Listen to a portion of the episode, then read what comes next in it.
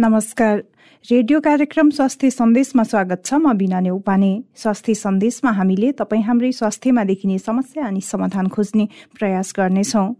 Radio candidate बयानब्बे दशमलव सात मेगा हर्जमा कार्यक्रम स्वास्थ्य सन्देश तपाईँले हाम्रो website W W W dot radio candidate dot com हाम्रो आधिकारिक फेसबुक पेज रेडियो क्यान्डिडेटको एप्स डाउनलोड गरेर तथा पोडकास्टमा समेत सुन्न सक्नुहुनेछ। मुटुरोगको जोखिम केही दशक यता धेरै बढिरहेको छ। अव्यवस्थित जीवनशैली अस्वस्थ खानपान मधुमेह उच्च रक्तचाप उच्च कोलेस्ट्रोल र धुम्रपानका कारण युवाहरूमा समेत हृदयघातको जोखिम पनि बढिरहेको चिकित्सकहरूले बताएका छन्। अहिले मुटुको समस्या लिएर अस्पताल पुग्ने चालिस वर्ष मुनिका बिरामी मध्ये बिसदेखि पच्चिस प्रतिशत हृदयघातको कारणले अस्पताल जाने तथ्याङ्क पनि सार्वजनिक भइरहेको छ।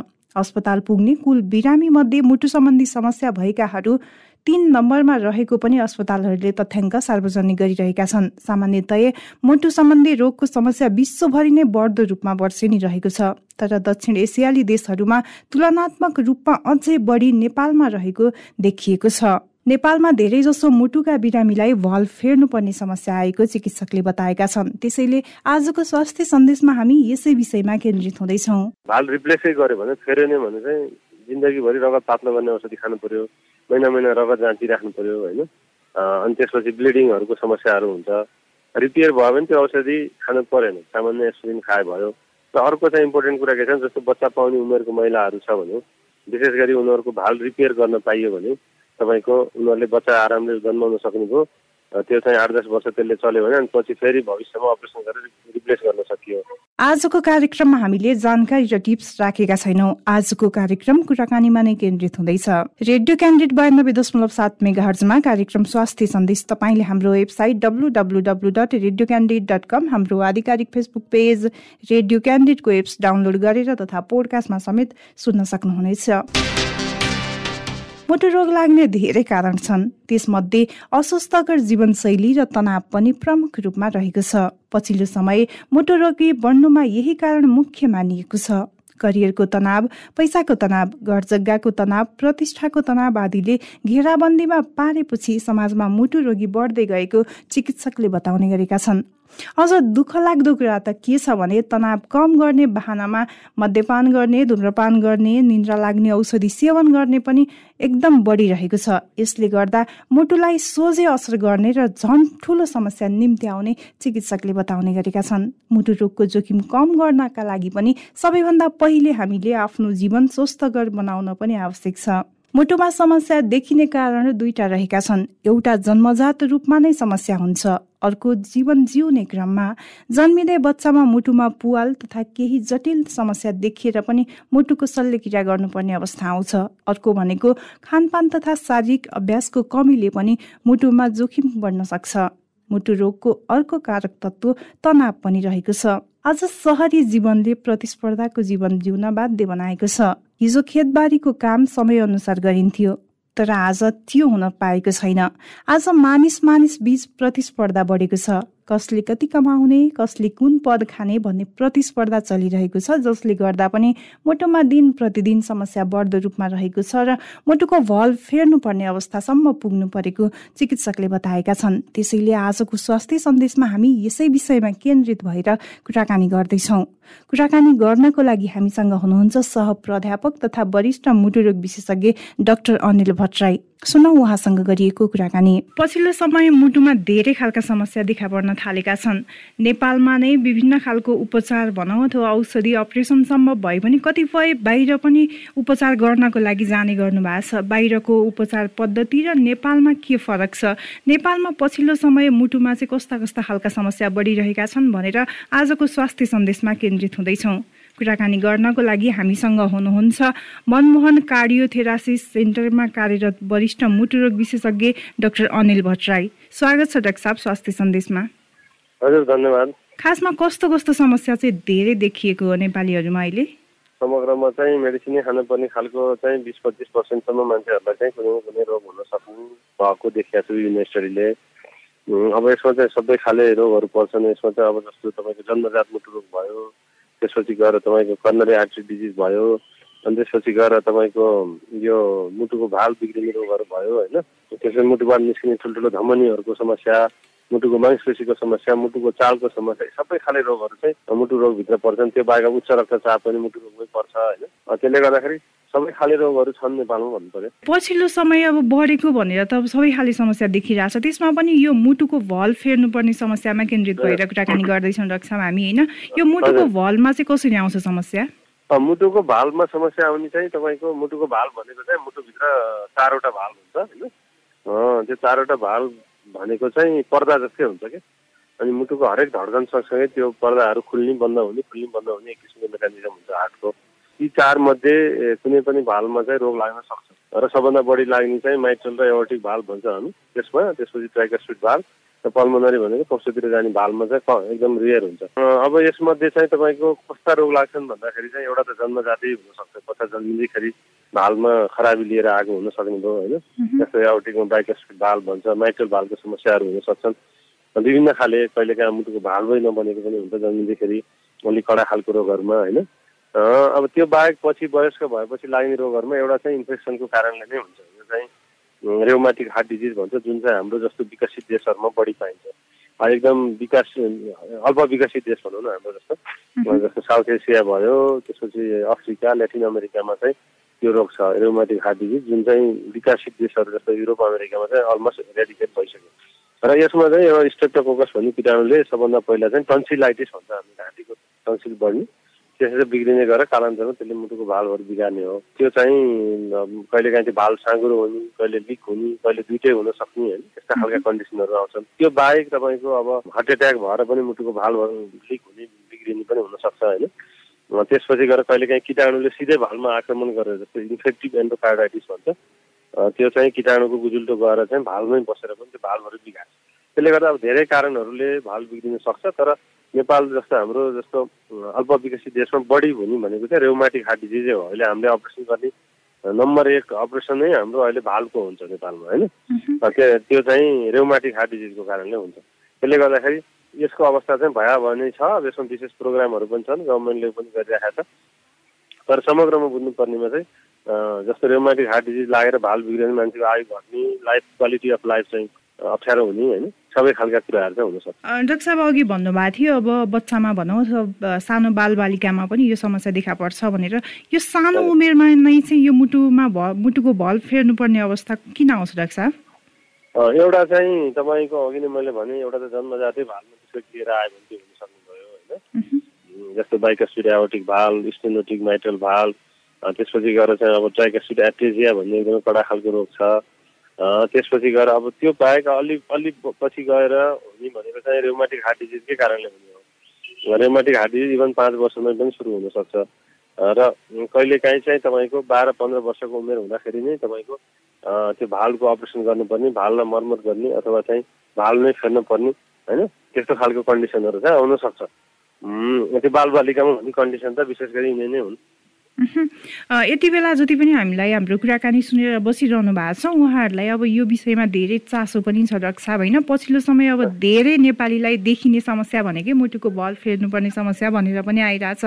अब मानौ जोसुकै अब यति बेला हामीलाई सुन्ने भनौँ अथवा तपाईँहरूलाई फलो गरेर आउने कोही हुनुहुन्छ मानौ उहाँहरूको बल फेर्नुपर्ने अवस्थामा छ।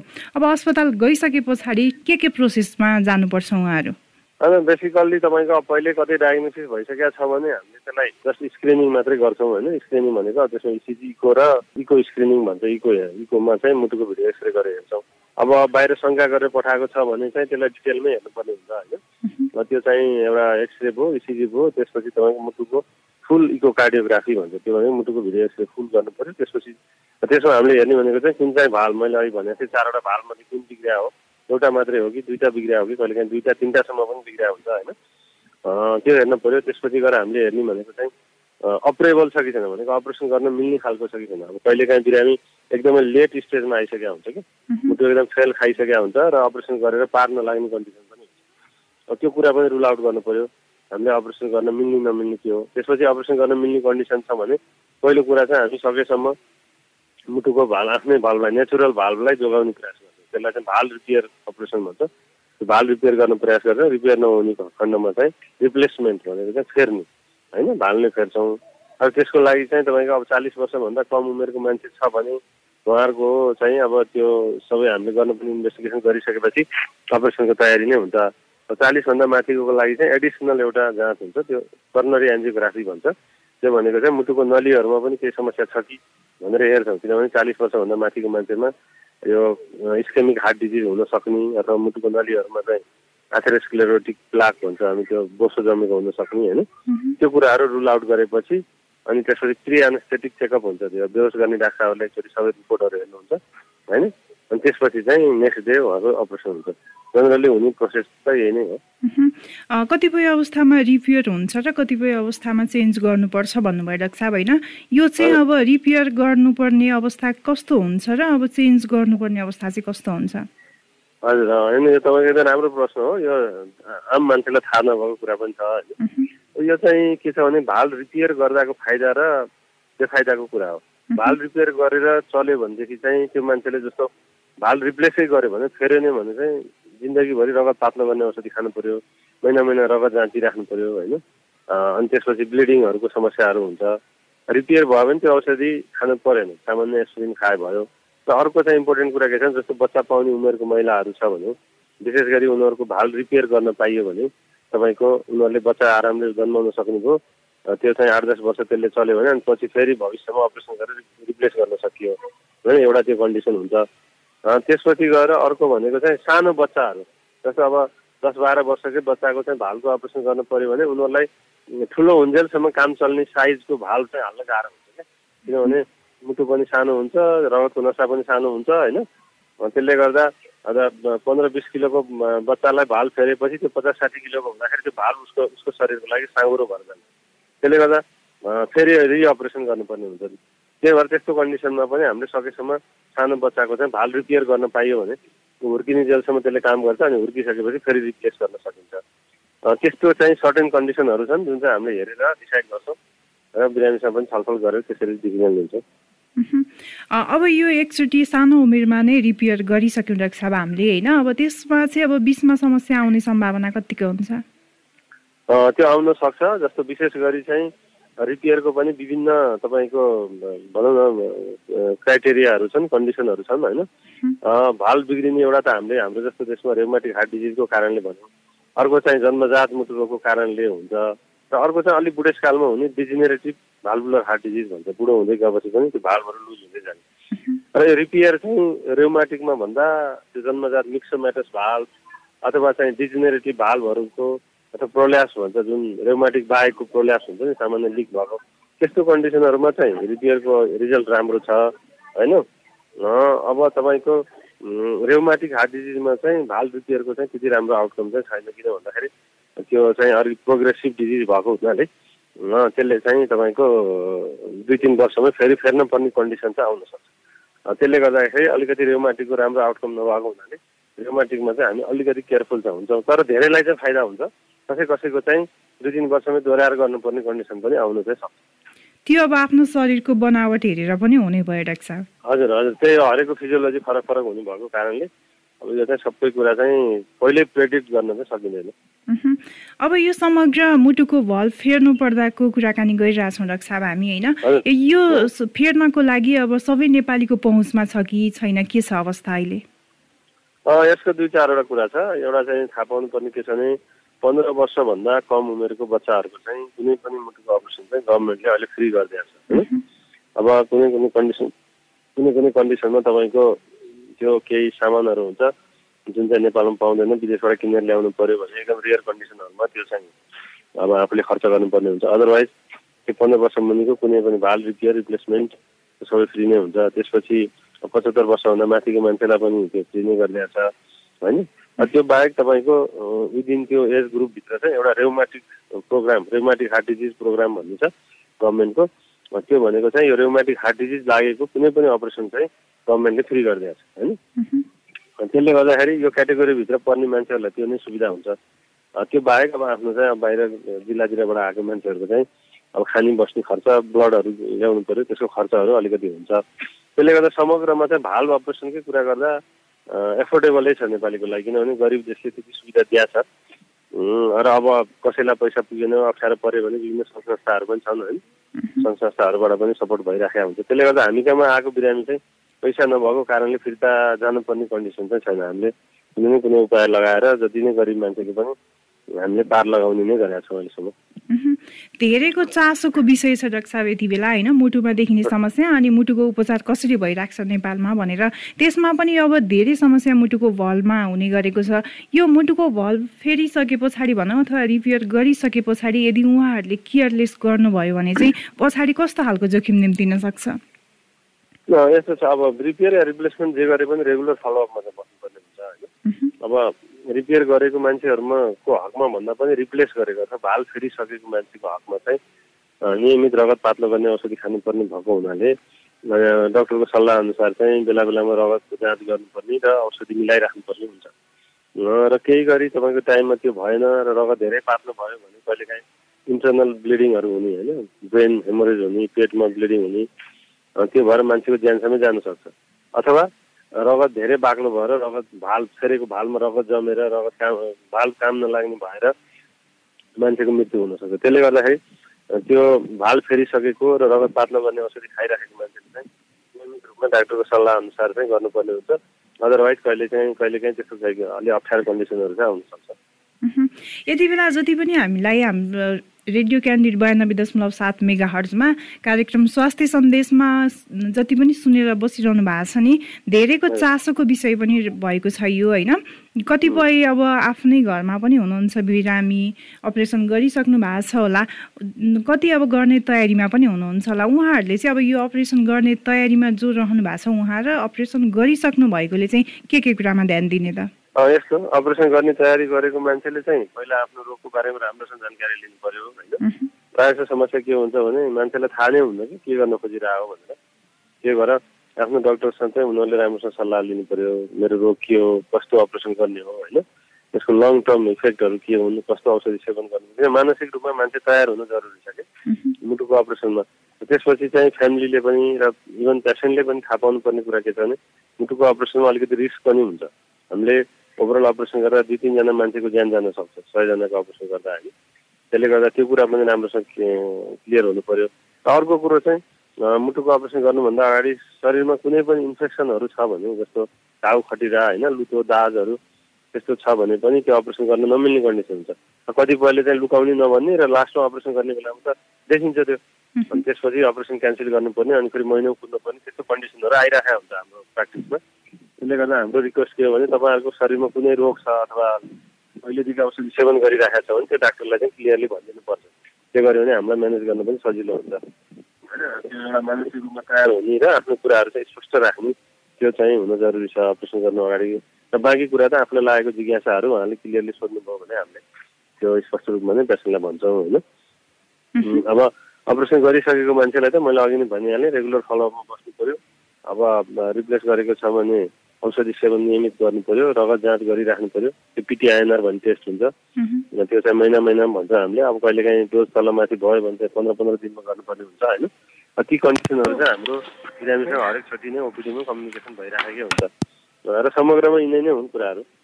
यति बेला जति पनि हामीलाई कुरा हाम्रो कुराकानी सुनेर बसिरहनु भएको छ यो त भयो समस्याको कुराकानी साहब होइन?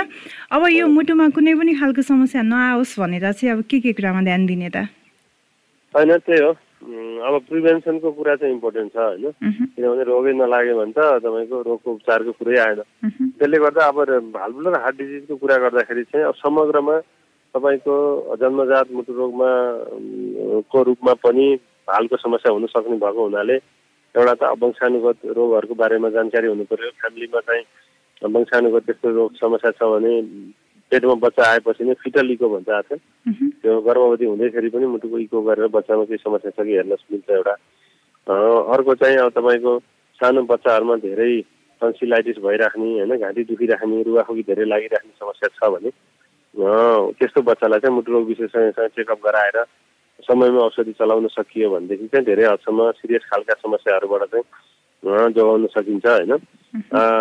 त्यो त्यो बाहेक अब तपाईँको रोगै लाग्न नदिनको लागि त अब के भन्छ सन्तुलित भोजनको कुराहरू इभन गर्भवती हुँदैखेरि र बच्चाहरूलाई गर्नुपर्ने केयरको कुरा होइन? यी कुराहरू नै हुन् बेसिकल्ली र अहिले चाहिँ तपाईँको गभर्मेन्टले अब जस्तो यो कसैलाई चाहिँ पाँच वर्ष सात वर्षमै रेमाटिक हार्ट डिजिज भनेर देखियो भने प्रोफिलाक्टिकली पेनिसिलिन इन्जेक्सन अथवा चाहिँ पेनिसिलिन ट्याब्लेटहरू पनि खाने छ त्यो चाहिँ मुटु रोग विशेषज्ञसँग सम्पर्क गरेर त्यो शङ्का छ भने रगतको टेस्टहरू गरेर मुटुको इको गरेर अनि त्यसलाई समयमै औषधि चलाउने त्यो पनि छ होइन त्यो गरियो भने धेरै हदसम्म चाहिँ सिरियस कन्डिसन भोलि नआउने अवस्था हुन्छ। यिनै नै हुन् प्रिभेन्सनका कुराहरू। यसैमा जोडिहालेँ डाक्टर साहब मैले होइन अब धेरै समय हजुरले बाहिर गएर पनि काम गरिसक्नु भएको छ बाहिरको टेक्नोलोजी पनि देखिसक्नु भएको छ। बाहिर र नेपालमा चाहिँ अब के फरक पाउनुभयो?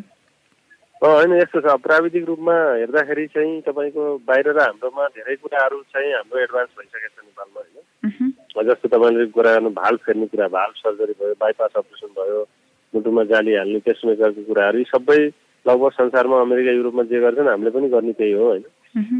अब त्यसपछि मिनिमल्ली इन्भेजिभ सर्जरी भन्छ यो ठुलो नचिरिकन सानो इन्सिजनबाट गर्ने अपरेसनहरूमा पनि हामीले सुरु गरिसकेका छौँ। धेरै सयभन्दा बढी केसहरू भइसकेका छन् होइन। अब त्यो पनि हाम्रो आउटकम राम्रो छ।